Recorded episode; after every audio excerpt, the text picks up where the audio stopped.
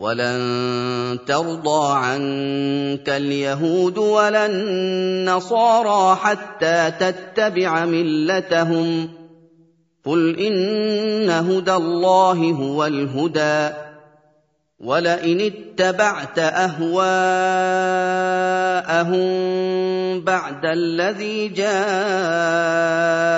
من العلم ما لك من الله من ولي ولا نصير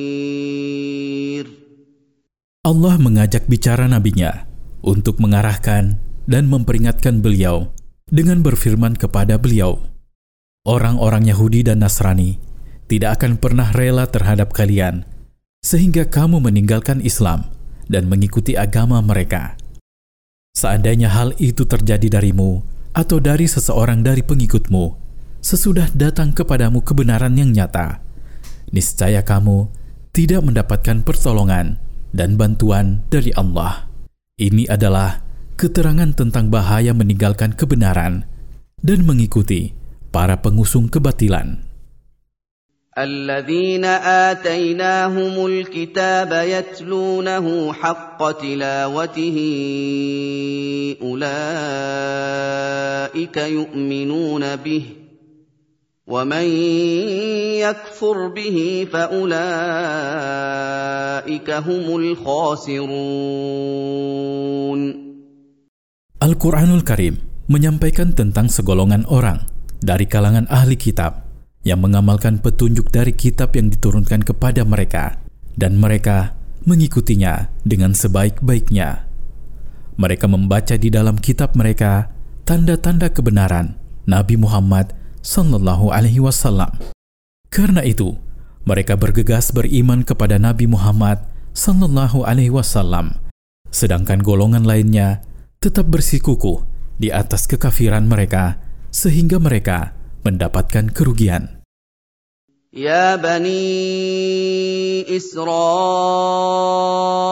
اذكروا نعمتي التي أنعمت عليكم وأني فضلتكم على العالمين Wahai Bani Israel, ingatlah nikmatku, baik nikmat dunia maupun agama, yang aku limpahkan kepada kalian. Dan ingatlah bahwa sesungguhnya aku mengunggulkan kalian atas manusia di zaman kalian dengan kenabian dan kerajaan. واتقوا يوما لا تجزي نفس عن نفس شيئا ولا يقبل منها عدل ولا تنفعها شفاعه ولا تنفعها شفاعة ولا هم ينصرون Buatlah tameng atau pelindung antara diri kalian dengan azab Allah pada hari kiamat dengan mengikuti perintah-perintah Allah dan menjauhi larangan-larangannya. Karena sesungguhnya di hari kiamat tidak ada jiwa yang bisa membantu jiwa lainnya. Tidak diterima tebusan sebesar apapun, tidak berguna syafaat dari seseorang, setinggi apapun derajatnya, dan tidak ada penolong yang dapat menolongnya selain Allah.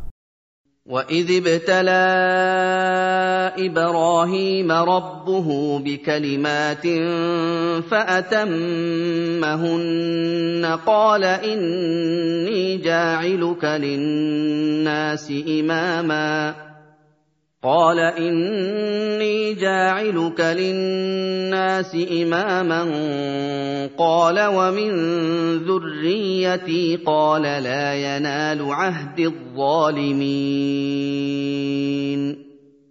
Al-Quran menyampaikan kepada kita bahwa Allah Ta'ala menguji Ibrahim alaihissalam dengan hukum-hukum dan beban-beban syariat yang dia perintahkan kepadanya. Lalu Ibrahim melaksanakannya dengan sebaik-baiknya.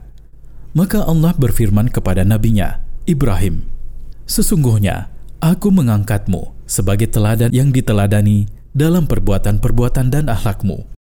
Maka Ibrahim memohon, Wahai Tuhanku, jadikanlah juga anak-anak keturunanku sebagai para pemimpin yang manusia meneladani mereka. Allah jawab doanya, Janjiku kepadamu berupa kepemimpinan dalam agama tidak akan diperoleh oleh orang-orang yang zolim dari anak-anak keturunanmu. وَإِذْ جَعَلْنَا الْبَيْتَ مَثَابَةً لِلنَّاسِ وَأَمْنًا وَاتَّخِذُوا مِن مَّقَامِ إِبْرَاهِيمَ مُصَلًّى وعهدنا الى ابراهيم واسماعيل ان طهرا بيتي للطائفين والعاكفين والركع السجود Al-Quran juga menjelaskan bahwa Allah menjadikan Baitul Haram sebagai tempat kembali bagi manusia yang hati mereka terkait dengannya. Setiap kali mereka meninggalkannya, mereka akan kembali kepadanya. Kami menjadikan Baitul Haram sebagai tempat yang aman bagi mereka. Tidak ada pelanggaran terhadap mereka padanya. Dan kami berfirman kepada manusia, Jadikanlah batu yang dijadikan pijakan oleh Ibrahim saat membangun Ka'bah sebagai tempat untuk sholat. Kami berwasiat kepada Ibrahim dan putranya, Ismail, agar menyucikan Baitul Haram dari kotoran dan berhala bagi siapa yang hendak beribadah di sana dengan bertawaf, beritikaf, mendirikan solat, dan lainnya. وَإِذْ قَالَ إِبْرَاهِيمُ رَبِّ اجْعَلْ هَٰذَا بَلَدًا آمِنًا وَارْزُقْ أَهْلَهُ مِنَ الثَّمَرَاتِ مَنْ آمَنَ مِنْهُم بِاللَّهِ وَالْيَوْمِ الْآخِرِ قال ومن كفر فامتعه قليلا ثم اضطره الى عذاب النار وبئس المصير Ingatlah wahai Nabi, manakala Ibrahim berdoa kepada Tuhannya, Wahai Tuhanku, jadikanlah Makkah negeri yang aman. Tidak ada seseorang yang diganggu di sana dan limpahkanlah rizki berupa buah-buahan kepada penduduknya, dan jadikanlah rizki itu khusus untuk orang-orang yang beriman kepadamu. Allah berfirman, dan siapa yang kafir dari mereka, maka aku hanya memberinya kesenangan yang sedikit dari apa yang aku rizkikan kepada mereka di dunia. Kemudian di akhirat, aku menyeretnya ke dalam azab neraka, dan ia adalah seburuk-buruk tempat kembali untuknya pada hari kiamat. Faedah dari ayat-ayat di atas. Pertama, barang siapa yang membaca kitab Allah dengan benar dari kalangan orang-orang Yahudi dan Nasrani, niscaya mengetahui bahwa apa yang Nabi kita Muhammad sallallahu alaihi wasallam bawa adalah hidayah yang datang dari sisi Allah taala. Kedua, kebaikan apa pun yang kaum muslimin lakukan untuk orang-orang Yahudi dan orang-orang Nasrani. Mereka tetap tidak akan pernah ridho kepada kaum muslimin sebelum kaum muslimin meninggalkan agama Islam dan mengikuti mereka dalam kesesatan mereka. Ketiga, kepemimpinan dalam agama tidak diraih kecuali dengan keyakinan yang benar dan kesabaran dalam melaksanakan perintah Allah Ta'ala.